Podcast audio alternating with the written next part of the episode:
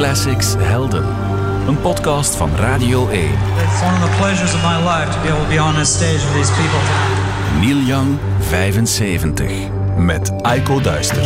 Welkom bij Classics Helden, een uh, nieuwe podcast van Radio 1, waarin we ons telkens iets meer zullen verdiepen in de wereld van een van onze Classics helden. En Neil Young, de godfather van de grunge, Dinosaur Senior, Ome Neil, Don Grungio. Hij is 75 geworden.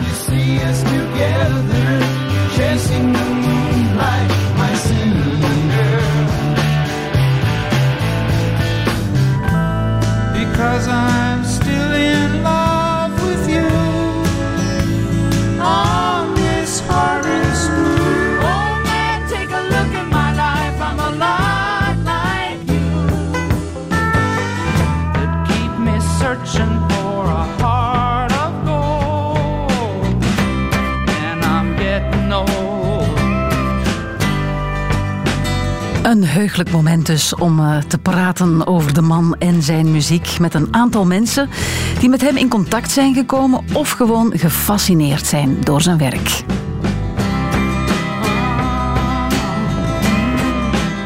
Neil Young die werkte met Nico Bolas. Die kwam alle shows opnemen. Ik kende die man niet, maar ik kreeg ineens na, na een van mijn voorprogramma's tok, tok, tok op de deur. En in de kleedkamer, ja, I'm Nico Bolas en uh, I really enjoyed your show, it was amazing and uh, I, I, I want to record it. Dus ik zeg, wow, ja, ja, ja, ik ga dat opnemen. Ik ben hier toch met die kar, ik neem dat op. Oké, maar ik moet dat wel aan Neil vragen, want ik heb, ik heb het eigenlijk al stiekem opgenomen, maar dat zei ik op dure banden en dan moet ik eigenlijk Neil vragen. Maar wij, ja, wij waren daar helemaal door, uh, van onder indruk natuurlijk. Hè? Wat moet ik daar nou op zeggen? De dag daarna kwam hij terug op de, in de kleedkamer en zei: ah, is Neil, and it's okay. I'm allowed to record it. Dus die heeft al onze shows opgenomen. Na die tour niks meer van gehoord. Tot een jaar later de bel ging bij mij thuis met een courier. Present van Neil Young. Zo'n grote doos met al mijn recordings op tape kreeg ik cadeau een jaar later. Ja, dat kun je niet geloven. Dus dat zegt eigenlijk alles. Wie doet dat nou? Joost Zwegers, die nog steeds het cadeau koestert dat hij kreeg van Neil Young na de Europese tour die hij aan het begin van zijn carrière met Nova Star als voorprogramma mocht meemaken. Gert-Jan van Hellemond van Douglas Furs die uh, leert ons meer over de gitarist Neil Young. Peter Daning van de Lokerse Feesten die zag een droom uitkomen toen hij Neil Young kon boeken op de 40ste verjaardag van het festival. En we spreken ook met Carolyn Mugar, directrice van Farm Aid. Dat is een jaarlijkse benefiet voor de boeren in Amerika die al van bij het begin kan rekenen op de steun van Neil Young.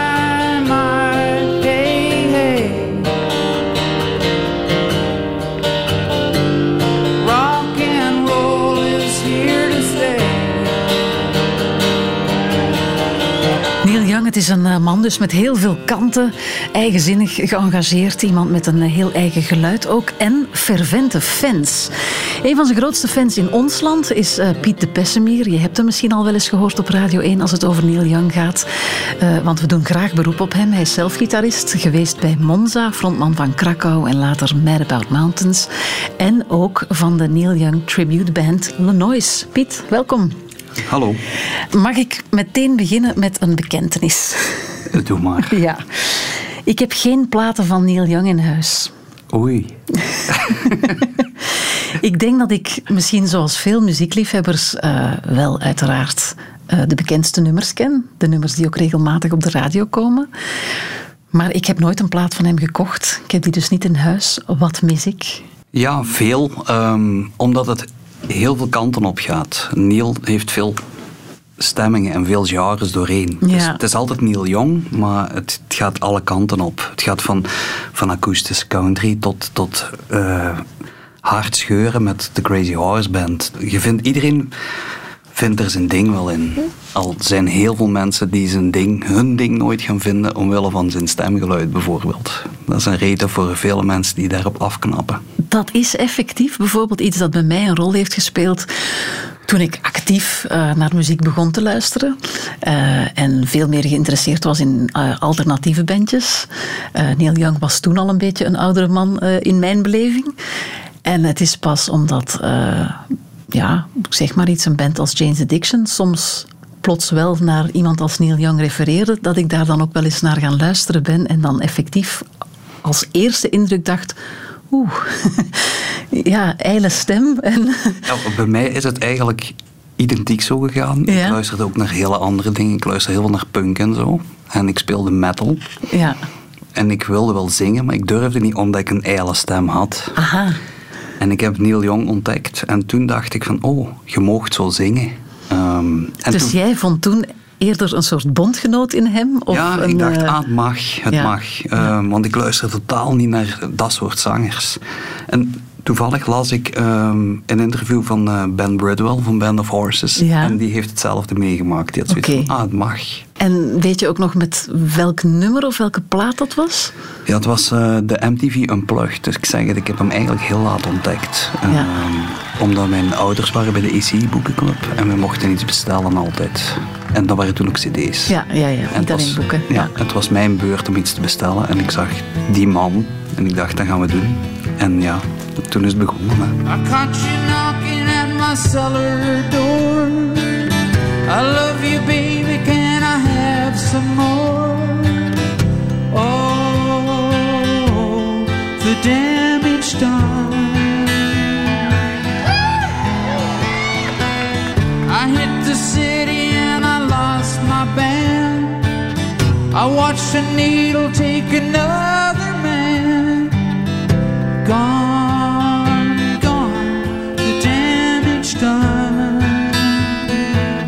MTV Unplugged van Neil Young. Ja. Ehm, ik ga ervan uit dat daar heel veel van die bekende hits ook gespeeld Ja. werden toen. Hè? Alle greatest hits eigenlijk. Hè. Ja. Hoeveel ruimte neemt Neil Young nu in, in jouw leven? Eh, het is uitgegroeid tot een, eh, een, een, een bijberoep.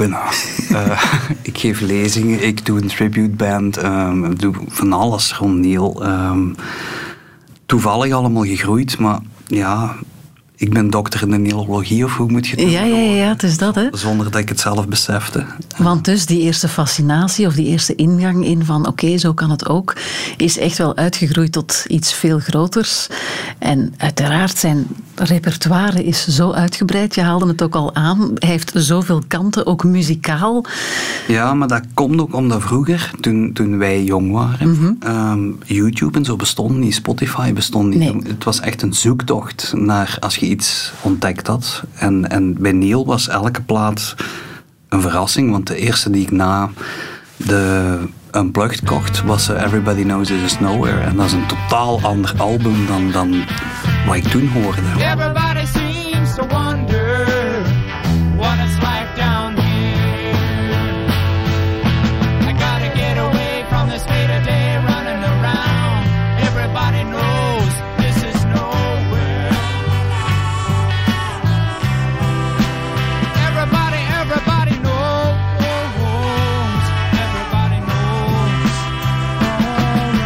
Het waren meer zoektochten en dan wordt de fascinatie ook groter natuurlijk. Ja, en dan in het begin is dat gewoon naar de bibliotheek gaan of zo. En, En, de platenwinkel dan. En de platenwinkel. Hoeveel kastruimte neemt hij nu in bij jou? Valt dat mee? ça va. Ehm, CD's en, en LP's, ja. Ehm, ik heb ze niet allemaal, dat geef ik ook toe. Hij blijft ook veel uitbrengen. Hè? Hij Niet alleen en- nieuwe platen, maar ook uit de archieven en dergelijke. en, en hij is soms ook een onnoemelijk dure vogel ook. Ja, daar zullen we het nog over hebben, denk ik. Houdt mij ook wel soms tegen. Ja. Eh, en dat is ook het fijne aan Spotify nu. Je Ja. kunt eerst het album eens beluisteren en dan denken van hmm, Is het mijn ding? 60, 70 euro. Ja, ik las toevallig nog eh, heel recent een discussie op Facebook tussen Neil Young fans over een box die dan eh, verschijnt dit najaar. Ja, de En- archives. Ja, en, en het prijskaartje dat daaraan vasthangt. En dan zie je dat de ene de andere probeert te overtuigen van het is wel de moeite en het is misschien toch te duur. En Het is gewoon te duur. Maar hij verwendt ons natuurlijk ook met zijn andere archives op het internet. Die je voor, ik denk 19 euro per jaar of wat is het, eh, betaalt je lidgeld en je kunt overal aan. Maar ja, die archives, daar hebben we, als, als trouwe fan heb je al heel veel bootlegs en, en andere opnames van bepaalde nummers, om dat dan nog eens opnieuw. Ja, het stopt daar ergens. Hè. de meeste fans verzamelen, lezen zich misschien in, verliezen zichzelf inderdaad misschien in YouTube-filmpjes. Ehm, jij wilde ook zelf die muziek spelen. Ja. Ehm, Wat heb je ehm, zo geleerd van hem in dat proces? Uh, de dingen die zijn, zijn, zijn bepaalde gitaarstemmingen, die zijn heel leuk. Ehm, en, en zijn manier van, van uh, zijn rechterhand te gebruiken. Dus Leg eens uit. Hij heeft, hij heeft polio gehad als klein kind, ja. uh, waardoor hij links verlamd was en alles opnieuw heeft moeten leren. En zijn, zijn uh, linkerhand doet het niet zo goed, um, vindt hij zelf. En mm hij heeft zich vooral gebaseerd op zijn rechterhand. En nu wil het toeval dat ik eigenlijk, ik heb geen polio gehad, maar ik ben uh, linkshandig en ik speel rechtshandig gitaar. Oké. Dus ik heb ook een soort gitaarhandicap, ja. waardoor mijn rechterhand beter is dan mijn linkerhand. En dat hielp mij wel in het leren van wat Neil doet. Die bepaalde slagen en, en tokkels en zo. Ja. Dus ik, ik ben, mijn linkerhand doet ook niet altijd, terwijl ik wel linkshandig ben, maar voor gitaarspelen is dat blijkbaar toch een belangrijk aspect. Ja, ja, ja. ja. En dat is een, een voordeel gebleken dan. Ja. Nu wel, hè. Ja. Um, wij hebben aan uh, Gert-Jan van Helmond, um, die we kennen als Douglas Furs, ook eens gevraagd om uh, zich te buigen over dat gitaarspel van uh, Neil Young. En we hebben dit van hem teruggekregen. Een van de, van de discussies vaak onder muzikanten. Hè. Is Neil Young nu eigenlijk een goede gitarist of niet? Um, sommigen vinden van niet. Ik vind dat een beetje vreemd, maar uh, ik snap wel van waar het komt. Technisch gezien zijn sommige mensen van ja, hij, speelt niet al die snelle toonladders en uh, hij doet maar iets. Maar ik denk dat dat er net chic aan is. Dat er misschien zelfs iets van waar is. Dat hij ja, puur op gevoel, hij speelt wat hakkelig. Hij weet volgens mij niet altijd als hij een solo be, uh, begint wat hij gaat doen. Maar dat is, die spanning is net fantastisch, vind ik. Um, dat is de hele tijd spannend om naar te luisteren en dat is er zo goed aan. Alles kan op elk moment gebeuren. Het kan ook misgaan, maar dat is ook spannend. Het kan plots briljant zijn. Um, en hij krijgt wel perfect uitgevoerd wat in zijn hoofd zit. Zijn, zijn handen doen dat. Hij brengt een gevoel over op wie er naar luistert. Wat denk ik de bedoeling is van muziek. En zeker van een gitaarsolo. Die moet spannend zijn, er moet iets gebeuren. Um, dat moet een kick geven om, voor hem om die te spelen, maar ook om naar te luisteren. Uh, dus het feit dat dat zo, zo een beetje hakkelig, stuntelig, maar dan soms ook weer niet en zo alle richtingen uitgaat. Um, de wereld op zich. Ik denk dat hij zo op gitaar voor zichzelf een, een, uh, een beetje een taal heeft uitgevonden en dat hij toch nog altijd degene is die dat het beste spreekt.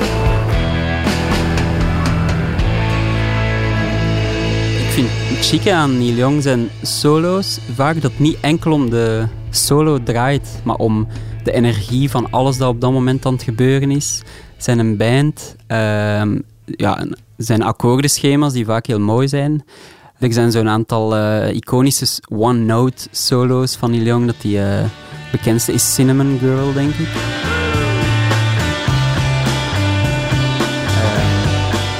Persoonlijk de coolste die in Down by the River begint die met zo...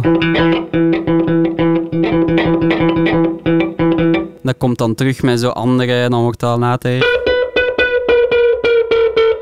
Zo van die dingen, dat, dat wordt zo'n soort ritmisch patroon dat hij heeft aangebracht. Maar het feit dat dat maar één noot is, geeft u wel ruimte om nog naar andere dingen te luisteren die aan het gebeuren zijn, of die een band die uh, superveel draai van het geven is. En dat brengt je ook in zo'n spanning, want vaak één noot straks. Wat gaat er straks gebeuren? Uh, ja, bij Like a Hurricane is dat ook. Hè. Dan begint hij gewoon met...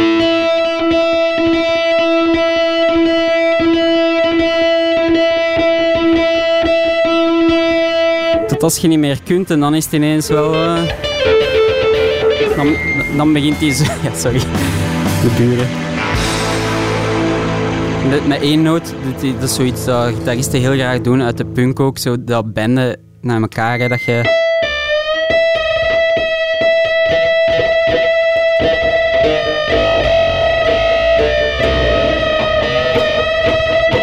eigenlijk superveel gradaties daarin kunt.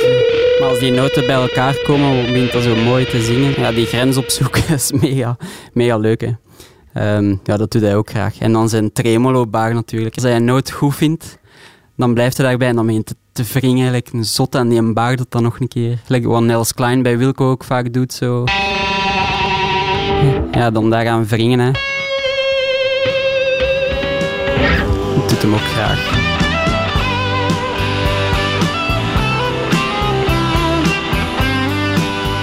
Wat dat mega cool is aan de sound van Neil Young. Ehm, ik en veel gitaristen met mij gebruiken pedaaltjes voor alles. Je, begint clean. Dan een beetje korrel erbij. Of echt distortion. Maar die... Uh, Neil Young heeft wel uh, een octaver, hij zet er vaak een octaaf onder. Een delay ook, zo dat soort effecten wel. Maar zijn distortion haalt hij gewoon uit zijn amp zelf.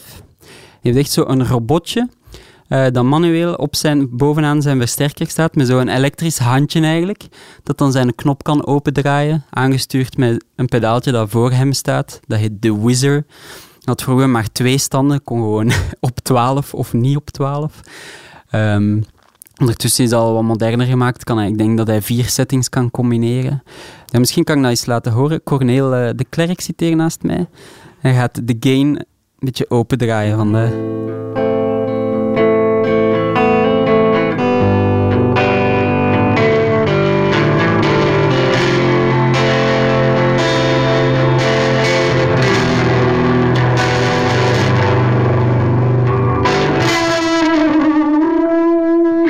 Ja, eigenlijk veel cooler, hè.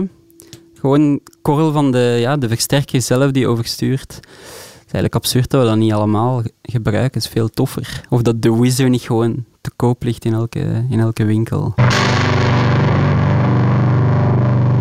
Ja, Neil speelt lange solo's vaak. Dat is het soort muzikant dat wel houdt van jammen. dat is wel duidelijk. Ik weet op die... Uh, Psychedelic Pill, plaat van uh, niet zo lang geleden, begint met ja, een jam van uh, wat is het, 28 minuten, denk ik. Dat staat zo in schril contrast. Ik zag net het docu van de band die dan zo een, een gesprek had, Robbie Robertson daar met Eric Clapton, die zei van anders kan ik eens komen jammen. En hij zegt dan van we don't jam. dat was bij de band, deden ze dat niet. Bij Neil Young duidelijk wel. Um, en soms is dat magisch. Ik vind solo's het mooist als hij zo echt zingt ik vind dat, denk ik, het sterkste punt van hoe dat hij zijn solo's opbouwt, dat je hem hoort als zanger op zijn gitaar. Zo zijn, zijn kracht in melodieën dat hij als songwriter heeft, dat je gewoon verder op gitaar. En zo de solo's waar hij dat echt het mooiste etaleert. Um, hoe dat hij zo huilt in On the Beach. Zitten zo van die...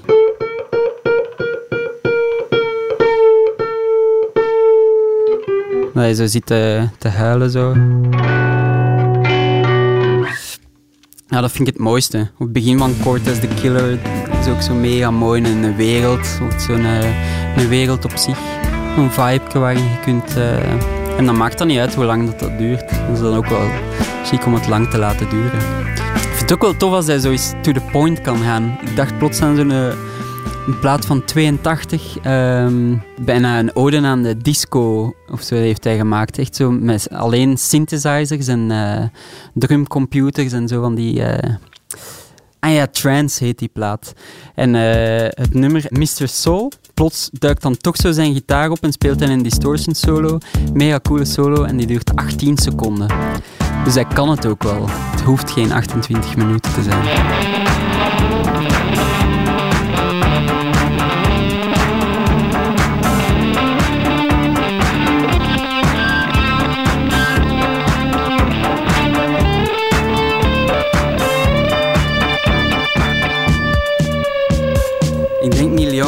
Als die gitaar speelt, die doet alles zo op gevoel. Die is, die is niet met toonladders bezig. Die is niet aan het denken van, hier ga ik eens uh, de Lydische scale overspelen of zo. Die, uh, ja, die speelt wat hij voelt. Het is heel ruw. En ik denk dat hij heel kan fout zijn, maar ik denk dat hij heel visueel denkt op zijn gitaar. Dat hij zo bijna in vormpjes denkt en dan denkt van, ah, nu ga ik daar, ja, ik ga dat daar zo doen. En dan... Um, en ook met, met akkoorden, er zijn zo'n paar akkoorden die eigenlijk alleen van Neil Young zijn. Akkoorden die hij echt zichzelf eigen heeft gemaakt. Ik denk aan dit natuurlijk. Je hoort de akkoord en je denkt, ah dat is van Neil Young. Die, zo zijn een old man.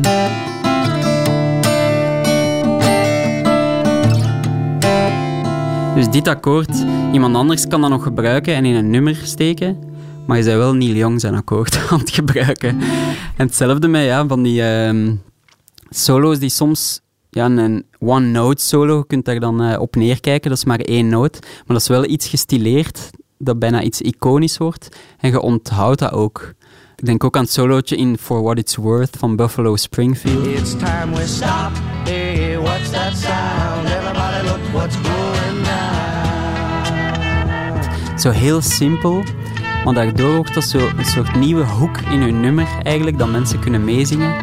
Beetje zoals Bertostin dat ook kan bij Absent Minded. Van die solo's dat je denkt, ah, dat is nu toch wel echt simpel, maar wel, wel catchy en, en, uh, en mooi gedaan. We better stop. Hey, what's that sound? Everybody look what's going now. Stop. Hey, what's that sound? Everybody look what's going. We better stop now. What's that sound? Everybody look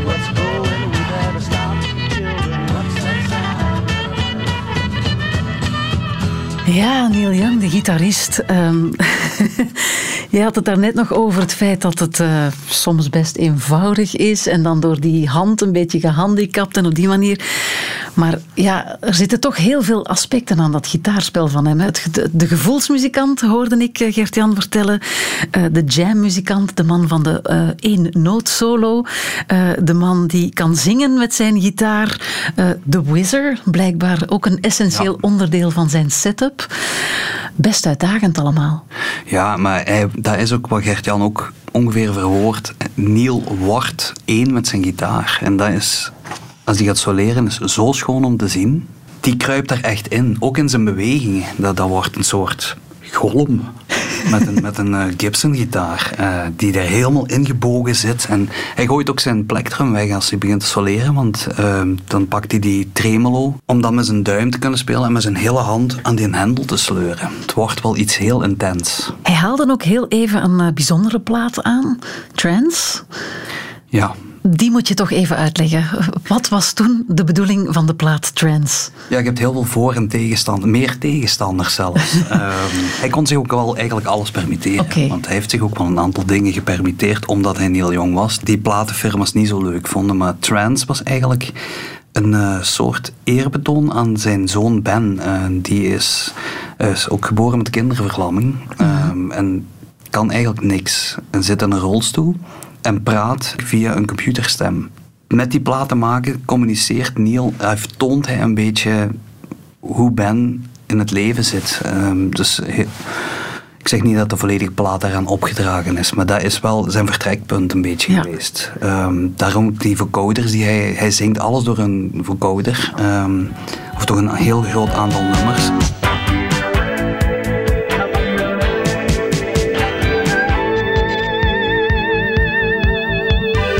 Was hij een beetje voor op zijn tijd ook, hè, wat dat betreft. Als je nu luistert naar... Ja. Enorm. Allee, ik heb zoiets van, de jongere mensen, check het eens. Bon Iver, die ja. doet niks anders. Ja, uh, stemmanipulaties. Ja, en, voilà. uh, ja. Uh, hij was voor op zijn tijd. Ja.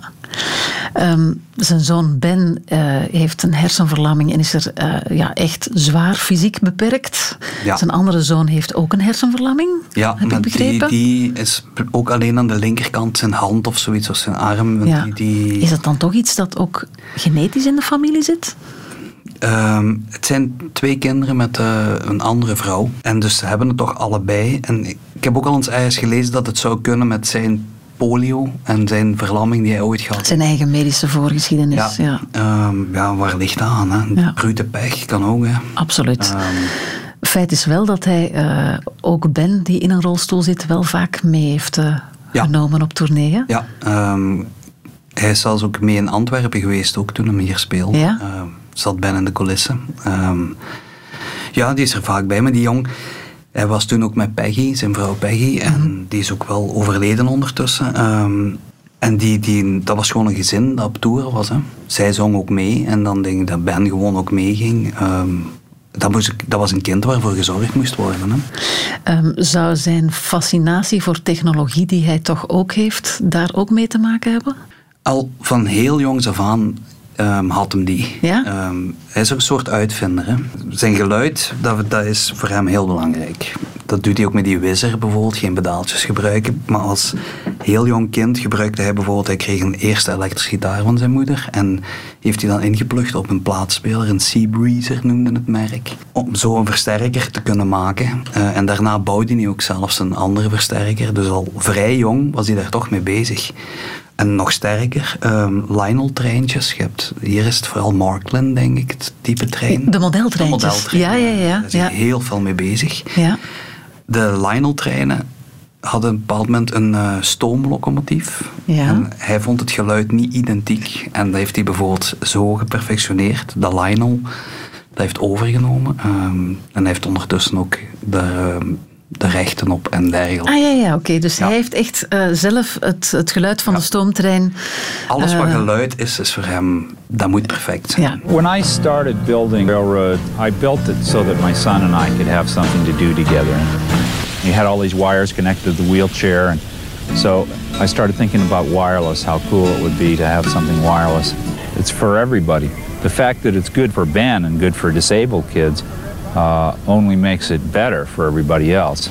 Dad's a train nerd. I, I'm proud to be a train nerd. I think it's a good thing to be.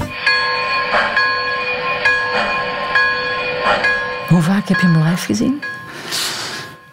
Ik denk een keer of 15 of zo. Ah ja, toch. Dat is, dat is veel, hè? Want ja. Ja. je hebt hem relatief laat on- Ja. leren kennen, Ja. beter leren kennen.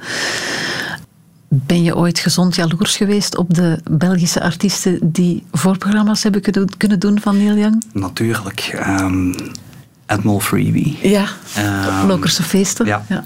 Ehm, en dan eh, Joost Zwegers natuurlijk. Ja. Fantastisch, die mocht dan nog mee op tour een deel.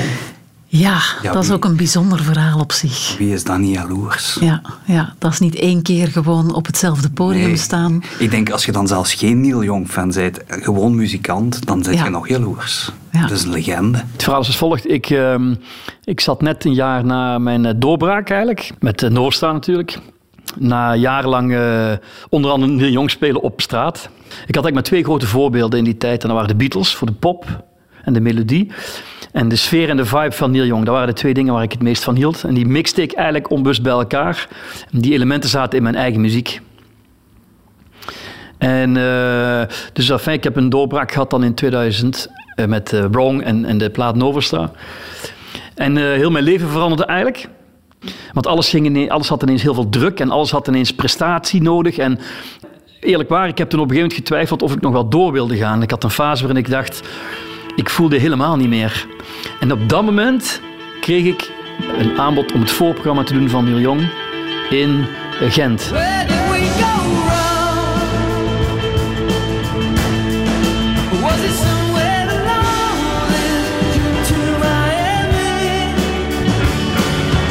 En ik deed de soundcheck in die hal en ik, ik, mijn stem leent zich erg voor in hallen en zo te zingen. Met een beetje de hogere kleur van de stem, die, die, die, die kan veel galm uh, gebruiken.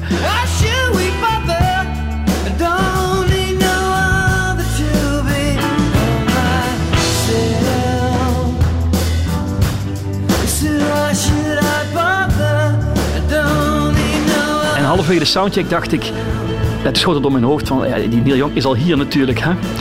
Dus ik uh, stop de soundcheck. Die soundcheck was goed met de band. En ik speel een paar nummers alleen. Eigenlijk quasi fantaserend van hij zou toch maar eens dadelijk op het podium komen. En dat deed hij.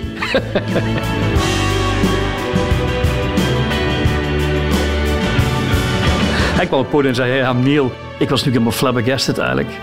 Uh, en op die energie van, van, uh, van, van, ja, van, heel, van heel die jo, jongensdroom die daar uitkwam die middag, heb ik dan het concert gedaan s'avonds als voorprogramma. En dat was een spetterend rockend concert. Daar kwam eigenlijk alle soorten, alle, alle soorten, daar kwam alle energie terug boven eigenlijk, hè, muzikaal. Omdat ik daar speelde eigenlijk voor Neil Young in, in, mijn, in mijn hoofd zo.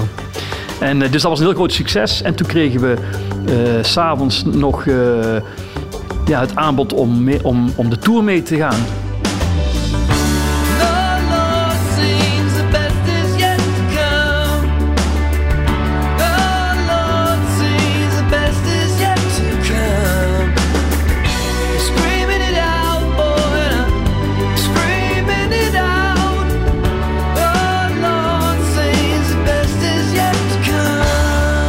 Het waren fantastische, een fantastische ervaring. En op een gegeven moment kon de drummer niet uh, één show niet meedoen, want die had al verplichtingen.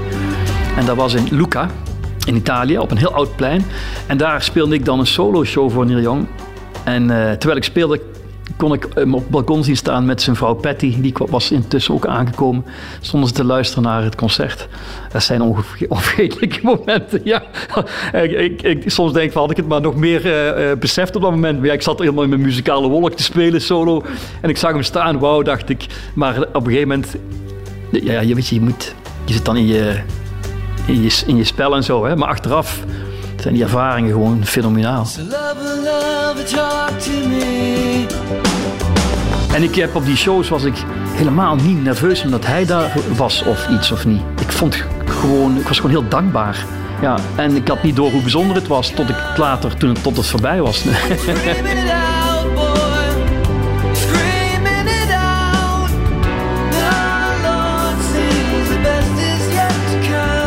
Ik heb er wel veel van geleerd. Ook eigenlijk, eh, als ik een plaat heb, dan speel ik met een band.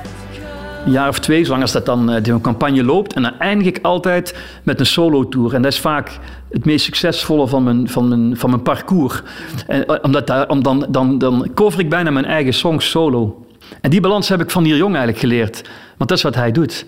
Hij, hij rockt enorm met zijn Crazy Horse. En dan, zeker eh, in het verleden, heb je ineens een soloplaat of een solo-tour. Dus die twee werelden combineren, ja, dat doe ik ook eigenlijk. Ik moet mijn straatroots niet, niet verloochenen nu omdat ik succes heb. Juist niet. Ik kan dat goed, dus ik moet daar ook eh, shows mee doen. En dat is wat hij ook doet. Well, I dreamed I saw the knights in armor come and saying something about a queen. There were peasants singing and drummers drumming, and the archers split the tree. There was a blowing to the sun that was floating on the breeze. Look at Mother Nature on the run in the 1970s.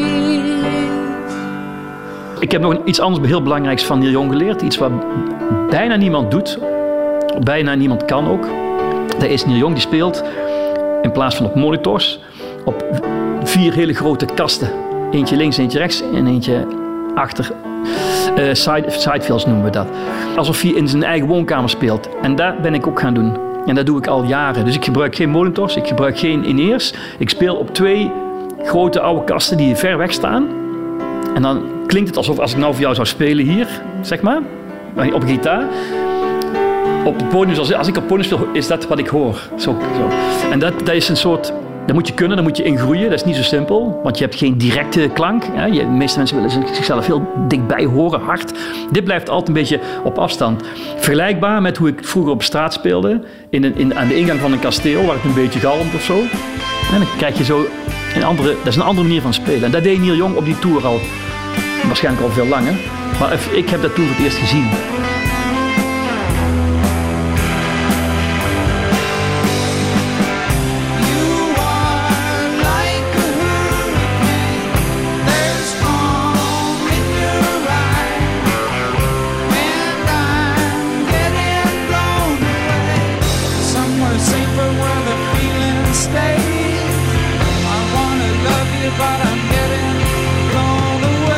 Elke show was echt en anders. Elke show. Nou, dat deed ik zelf ook al, maar toen ik dat zag, dacht ik, ja, dat... ik werd soms door mensen ook wel ingepraat.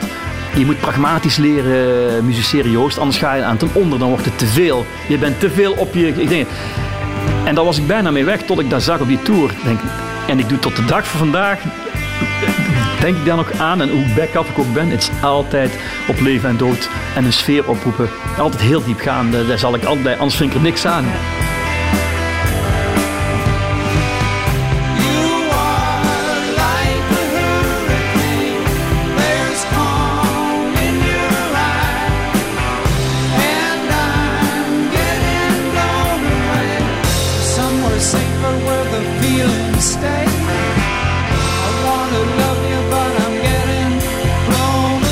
Is een groot cadeau geweest voor, voor, voor, voor mij eh, en, en mijn hart voor muziek, mijn muzikale ziel.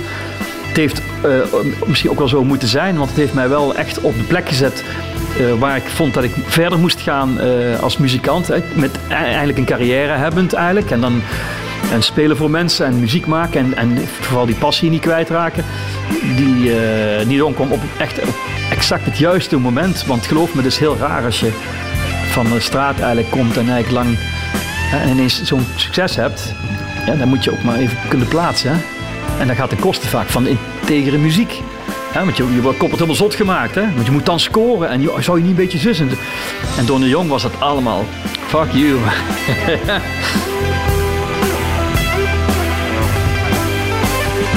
de laatste show van de tour was ook weer in Ahoy in Rotterdam. En toen wilde ik toch uh, wilde ik hem uh, nog even gaan bedanken natuurlijk. En toen ben ik nog uh, een half uur bij een jong geweest in zijn kleedkamer. Toen kwam hij net uit de douche, toen zat hij op de bank met zijn vrouw.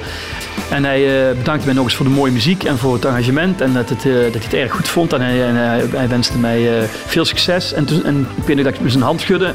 En, uh, en nogmaals bedankte. En toen was hij nog iets aan het zeggen. En toen voelde ik, nu moet ik gaan. Ik voelde van, ik kan hier nog een half uur staan, maar dat moet ik niet doen. Ik loop weg en vlak voor de kleedkamer uitloop, draai ik nog één keer om. En ik zie hem nog zo zitten met zijn nat lange haar uit de douche te zwaaien. En die vrouw, bye Joost, bye bye. Zo heel amicaal uh, Americano, hè. Bye bye, take care. En dat was het dan. Dus die was eigenlijk in de hele dichte omgang een heel ander persoon dan dat hij zich naar buiten toe toonde. En ik, wat ik ook nooit vergeet, is die zag er gewoon tijdsloos uit. Die had sprankelende ogen van een kind. Zelfs na dat concert op die bank met, die, met zijn toenmalige vrouw. dat vond ik zo fascinerend. Ik dacht, oh, dat is het helemaal, hè.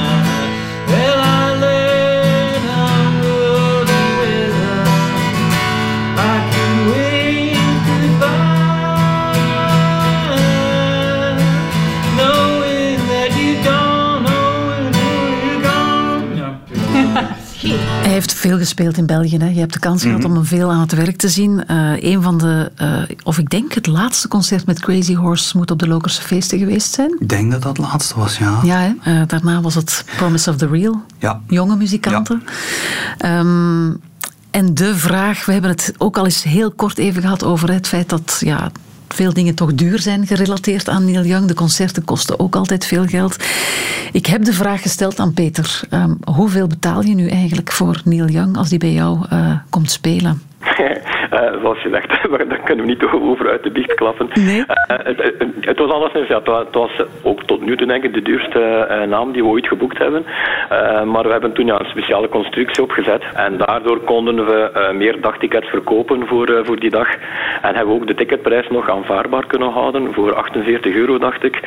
wat eigenlijk een heel, heel goed, goed, goedkope prijs is voor, voor zo'n artiest. En het concert was ook op een week uitverkocht, dus het heeft wel gewerkt. Hoe komt het eigenlijk dat Neil Young zo duur is? En dan bedoel ik, uh, het is niet iemand die uh, komt met een grote show met vuurwerk of uh, een gigantische band of zo. met Crazy Horse waren er vier muzikanten op het podium en nog twee zangeressen, denk ik. Uh, ja, klopt. Ja. Inderdaad, qua, qua productie uh, heeft wel uh, veel zwaardere dingen moeten doen. Ja. is dat dan puur op reputatie? Ja, het is een kwestie van vraag en aanbod. En, ehm, dus ja, ik denk dat dat voor, voor, uh, voor fans, die hebben het voor over, voor, voor die, die oude garde uh, legendes. Uh, ze denken waarschijnlijk ook, het is misschien een van de laatste keren dat ze die nog kunnen, kunnen bekijken. want ja, die grote namen beginnen toch op leeftijd te komen.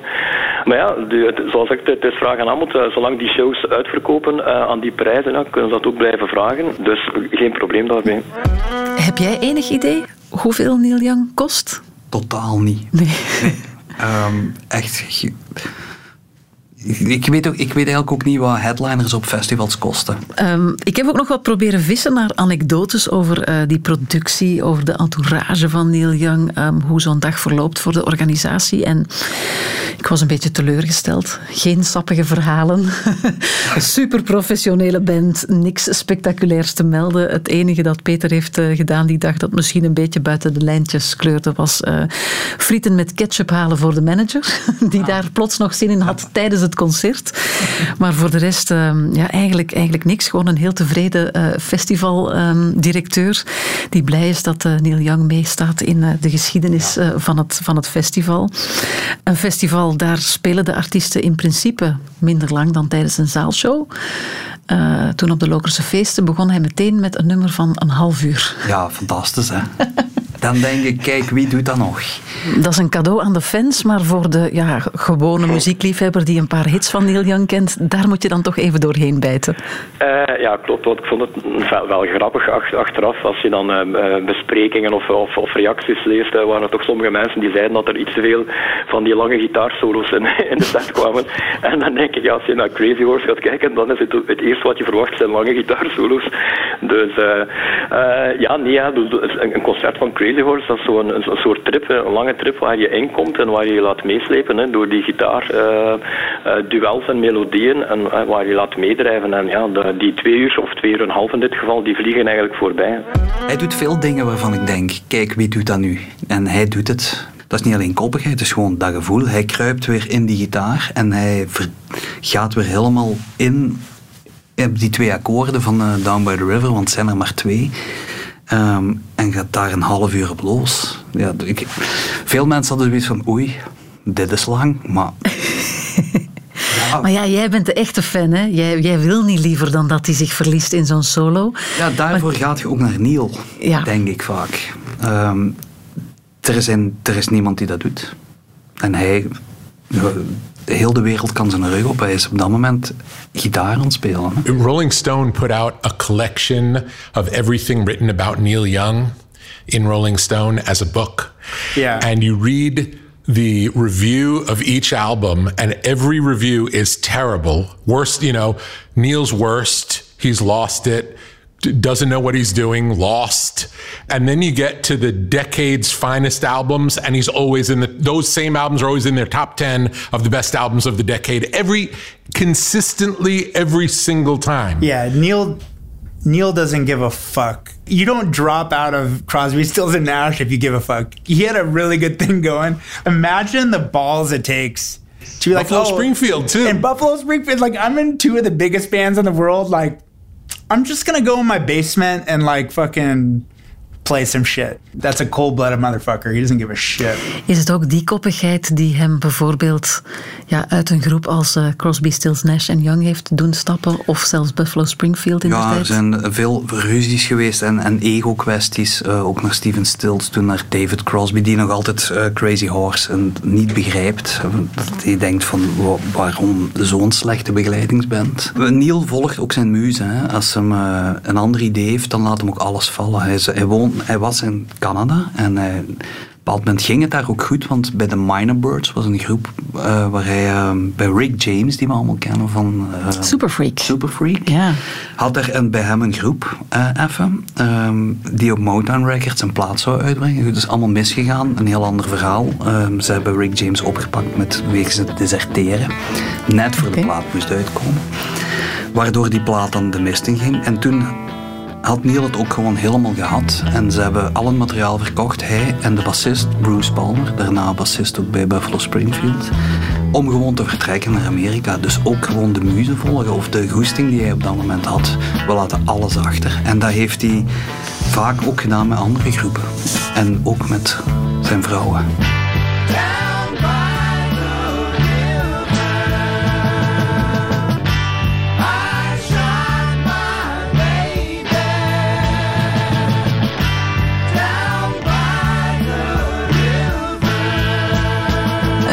Heeft wel ook, eh, naast het, het, het koppige karakter, et cetera, een heel humane kant natuurlijk. Het engagement, daar hebben we het nog niet over gehad. Uh, heeft zich jarenlang ingezet voor de Bridge School. Ja. Ehm, dat had met zijn kinderen ook te maken, denk ik. Zijn zoon zit daar op school. Dat is een, school voor eh, zwaar gehandicapte kinderen. En zijn vrouw, Peggy, toen, Peggy Jong, heeft die, die school eigenlijk opgestart. Ah, ja. Ehm, en, is en hij heeft dan op een bepaald moment voor geld binnen te halen. Ja, als Neil zegt tegen Tom York of tegen Eddie Vedder komt je in zijn liedje zingen. Of zelfs Metallica of David Bowie. Ze zijn er allemaal gepasseerd en komen die dat doen. Hè. En dat is echt gewoon... Ik weet niet of ik het juist voorstel, maar in, in de refter of de sporthal van die Nee, school... Dat is open, dat is open lucht. Dat is, Ah, ja. dat is een festival. Eh, de kinderen, een heel deel van de kinderen in een rolstoel zitten ook achter de muzikant op het podium. Volgen zo het concert mee. Ja. Dat is een, een soort festival waarin een hele hoop artiesten op één dag komen. En eh, die artiesten, want ik heb eens een interview gezien met Tom York, die eh, mogen ook, eh, ik weet niet of het logeren is, maar toch gaan eten toen op Nielsen Ranch. Want Tom York heeft daar toen op eh, zijn piano mogen spelen. En dat was voor hem een van zijn hoogtepunten uit zijn leven. op die piano. Dus op zich gevraagd worden om daarbij te mogen zijn. Alleen al is ook een keer in de inner circle van Neil Young komen. Want er hangt toch wel heel veel mysterie rond. Ja. De Bridge School Benefit, dat is gestopt een paar jaar geleden. Ja, toen hij bij zijn vrouw weggegaan is eigenlijk. Is het ook gestopt. Ehm, ja, en zij is dan ook overleden. Dus Nee, wat hij wel nog doet, eh, en ook al sinds heel lang, is zich inzetten voor Farm Aid. Ook een jaarlijks festival eh, voor eh, de lokale boeren in Amerika tegen eh, de, de grote industrie. Dat is wel een kant die ook heel belangrijk is en ook soms echt letterlijk in zijn muziek doorcijpelt. Het engagement, eh, het respect vragen voor eh, de aarde, voor Ja, en ook voor de, De boeren. natuur, ja. Eh, letterlijk in zijn muziek. En tegen de grote industriële ehm, graanverkopers en alles is hij tegen. En daar zingt hem ook letterlijk over. En die, die Farm Aid is een samen Willie Nelson. Ja, klopt. Het eerste Farm Aid concert werd georganiseerd in 1985 door Willie Nelson, John Mellencamp en Neil Young. En ik belde met eh, directrice Carolyn Mugar over de rol van Neil Young in de organisatie. I mean, Neil just came came right away on board. You know, I know I don't know if Neil offered or Willie asked him. I'm quite sure Neil just came forward and said, "I'd be happy to join you." Neil just said, "That's something I want to do." What was Neil Young like when you first met him, when he first got involved in 85? Neil is an activist and he wants to respond to something and he feels he can do something and he does. He doesn't sit back and he he is um, he's a very creative person. He also has a wonderful sense of humor. I mean, you can see that in if you watch the clip from this year's Farm Aid, you can see Neil playing to his chickens and the chickens cluck and he says thank you. then he asks the uh, alpacas if they'd like to join a band. It's very, he's very human oriented. You know, he is he really connects with people. Homegrown is the way it should be. Homegrown is a good thing. Plant that bell and let it ring. Plant that bulb and let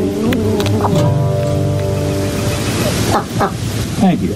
He's a wonderful person to work with because he comes forward with ideas and he's very responsive when ideas are presented. He's very participatory. Does um, Neil Young personally get involved with the farmers in trouble? You mentioned Willie Nelson traveling the country and visiting farmers. Has he done that as well? Well, Neil actually has many times reached out with ideas. He connects with people very much on the stage. People love to hear Neil speak. He, it's fa- Neil's famous. In fact, they wait for his quotes rants. Mm-hmm. People say, "What's Neil's rant going to be?" And we tease him about it. But he he always stops and talks. So, what are you going to do next time you see a farmer's market? All right, say hello to a farmer, buy something. Get, get real. Buy something good. Don't buy the you get at Safeway. Buy something that's really safe. And we had a flood of communication afterwards from people saying, I stopped because Neil told me to stop. And it was just like they really listen to Neil when he speaks. Je bent fan van de muziek. Hou je ook van de figuur Neil Young? Hij is heel grappig, denk ik. Veel filmpjes die ik gezien heb, zeker uit zijn jongere periode, vind ik echt vind ik hem heel leuk en grappig. Eh, qua jongensstreken ook uithalen. Maar of hem gemakkelijk is om mee samen te werken, dat denk ik niet. Want uh, er is nu bij zijn recente plaat Colorado was de Mountaintop documentaire. Die kon je dan zien als je lid bent van zijn archives. Mhm. Hoe hij daar tekeer gaat tegen zijn technieker. Oeh, ehm, dat ging wel ver. Ik denk van man, wat een moeilijke mens zit jij. Beetje zoals een, een, een topchef, het idee dat we daarvan hebben. Zo van die koks die, die, die ah, roepen ja, tegen, een, eh, zoiets. Zo, een tiranne. tegen de mensen die eigenlijk het, het, het harde werk moeten Ja, doen. echt. Vaak. En, Ja. en geen geduld. Ah, ja. Vooral geen geduld. Hij is natuurlijk ook een dagje ouder ondertussen. En dan neemt dat leeft- vaak af. Ja, maar dat maakt ook zijn muziek. Hè. Hij leeft van momentopnames in zijn muziek. Eh, moet op dat moment heeft hij iets in zijn hoofd. En, want ik heb nog een andere documentaire gezien waar eh, een van de techniekers zei: Je kunt niet naar de wc. Je moet altijd aan je knop blijven zitten voor op rec te duwen. Om het moment niet te missen. Ja, want je weet nooit wanneer hem ineens begint. Eh, dat geeft hem niet aan. Hij start gewoon. En, want hij voelt op dat moment, nu is het daar. En dan, als je dat dan mist, zegt die man ook, dat, dat gaat niet.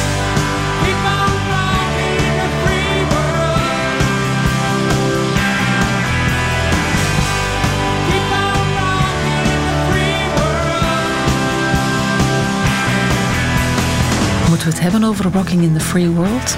Ik vind van niet.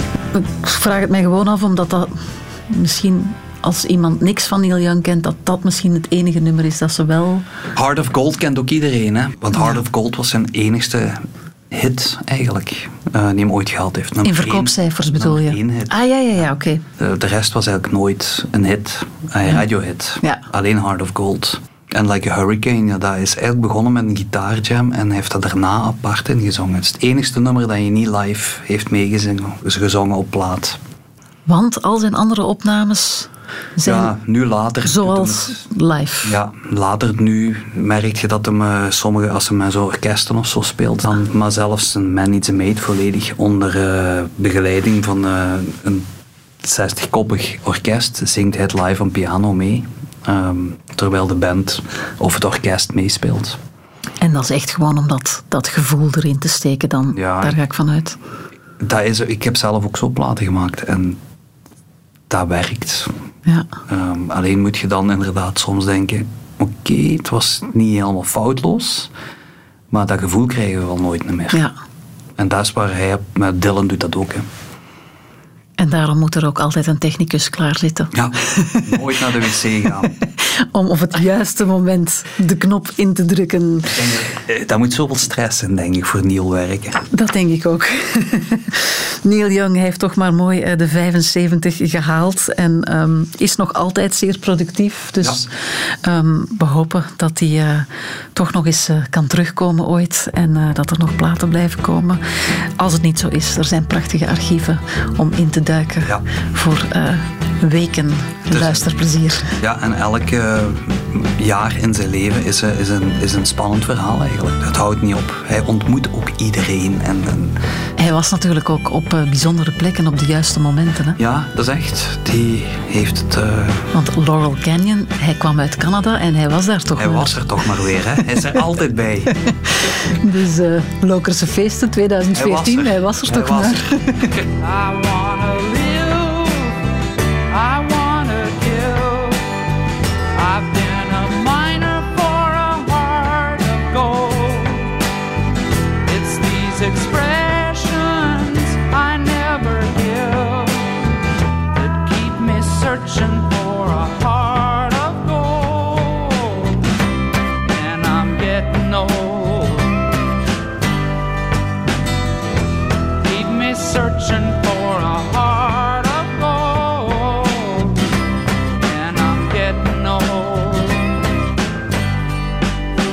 Dit was hem, de eerste Classics Helden podcast over Neil Young naar aanleiding van zijn 75ste verjaardag. Grote dank aan alle mensen die hebben meegewerkt. Dat waren Piet de Pessemier, Joost Zwegers, Gert-Jan van Hellemond, Peter Danink, Caroline Newgar, Ilse Liebens, Corneel de Klerk, Dominique Wittevrongel, Evert Venema, Hendrik de Smet en Emiel de Meij.